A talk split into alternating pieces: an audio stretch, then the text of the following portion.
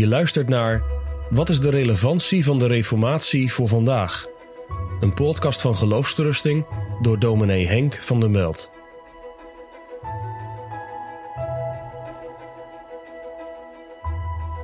Vrijheid is het kernwoord van de Reformatie. Zeker als het gaat over de verkondiging van het Evangelie. Maar daarbij is het niet alleen belangrijk dat de inhoud van de prediking doortrokken is van die vreemde vrijspraak, de genade van God die verkondigd wordt. Maar het is ook heel belangrijk dat de dienaar van het woord, de prediker, in de vrijheid staat. De vrijheid van het woord, de vrijheid van de Heilige Geest. Wat is nou het geheim van die geestelijke vrijmacht of volmacht in de prediking? Hoe kom je erbij als zondig mens om tegen andere mensen te zeggen dat hun zonden vergeven zijn in de naam van de Heer Jezus Christus? Je hoort de fariseeën het al zeggen. Wie kan de zonde vergeven dan God alleen? En zo is het natuurlijk ook. Maar als er in overeenstemming met het woord van God gepreekt wordt, dan spreekt de Heere zelf door dat woord en door zijn geest.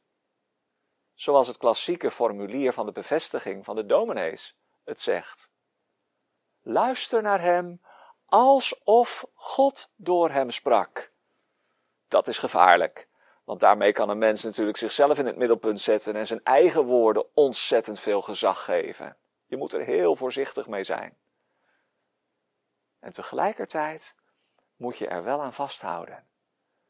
Zoals Heinrich Boelinger, de opvolger van Zwingli in Zurich het zei, het gepredikte woord is het woord van God.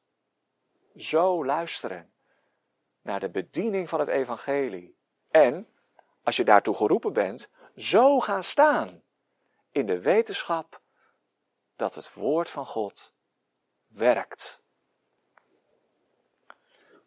Hoe werkt dat woord van God dan? Het is dan belangrijk om te onderscheiden tussen woord en sacrament. De Heilige Geest werkt door het woord het geloof. En door het sacrament van de doop of van het avondmaal versterkt hij het geloof. Woord en sacrament zijn verschillend. Maar er is toch ook overeenstemming en dat zit hem nu juist in die werking van de Heilige Geest. Op een verborgen wijze werkt de Heilige Geest door de doop en door brood en wijn datgene wat God beloofd heeft in die tekenen van water, brood en wijn. Zo werkt de Heilige Geest ook op een verborgen wijze door het woord van de prediking in het hart van de gelovige. Dat gaat niet automatisch, maar de Heilige Geest bedient zich van het woord. Wat mooi hè? Bedienen, dat is typisch iets voor de Heilige Geest. Hij bedient zich van het woord als een instrument om te bewerken wat hij beloofd heeft. Johannes Calvijn is de reformator die hier het diepst over nagedacht heeft. In de laatste editie van zijn institutie, boek 3, begint hij daar ook mee. Alles wat Jezus voor ons gedaan heeft aan het kruis en met zijn opstanding, baat ons niets, tenzij dat wij verenigd worden met Christus door de Heilige Geest. Die verborgen verbinding door het geloof dat verenigt met Christus. Door de Heilige Geest die ons roept. Uit de duisternis trekt naar het licht. Die verborgen verbinding is essentieel. En die verborgen verbinding werkt de Heilige Geest door middel van het woord, door de roeping van het evangelie. Daar zit een uiterlijke kant aan, een hoorbaar woord, een stem die spreekt. En daar zit een innerlijke kant aan.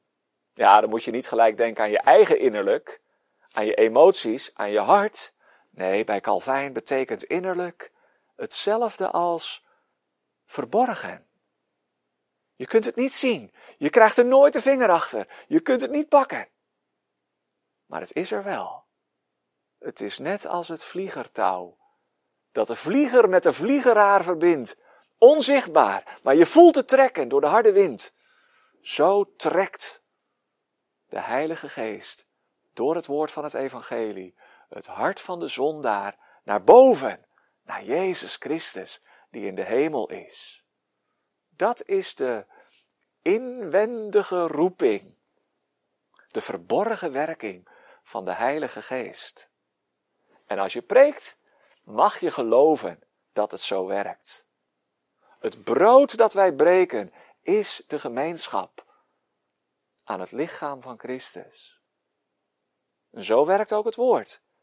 Het woord dat wij spreken. De preek die wij preken is de gemeenschap aan het lichaam van Christus door de verborgen verbinding van de Heilige Geest.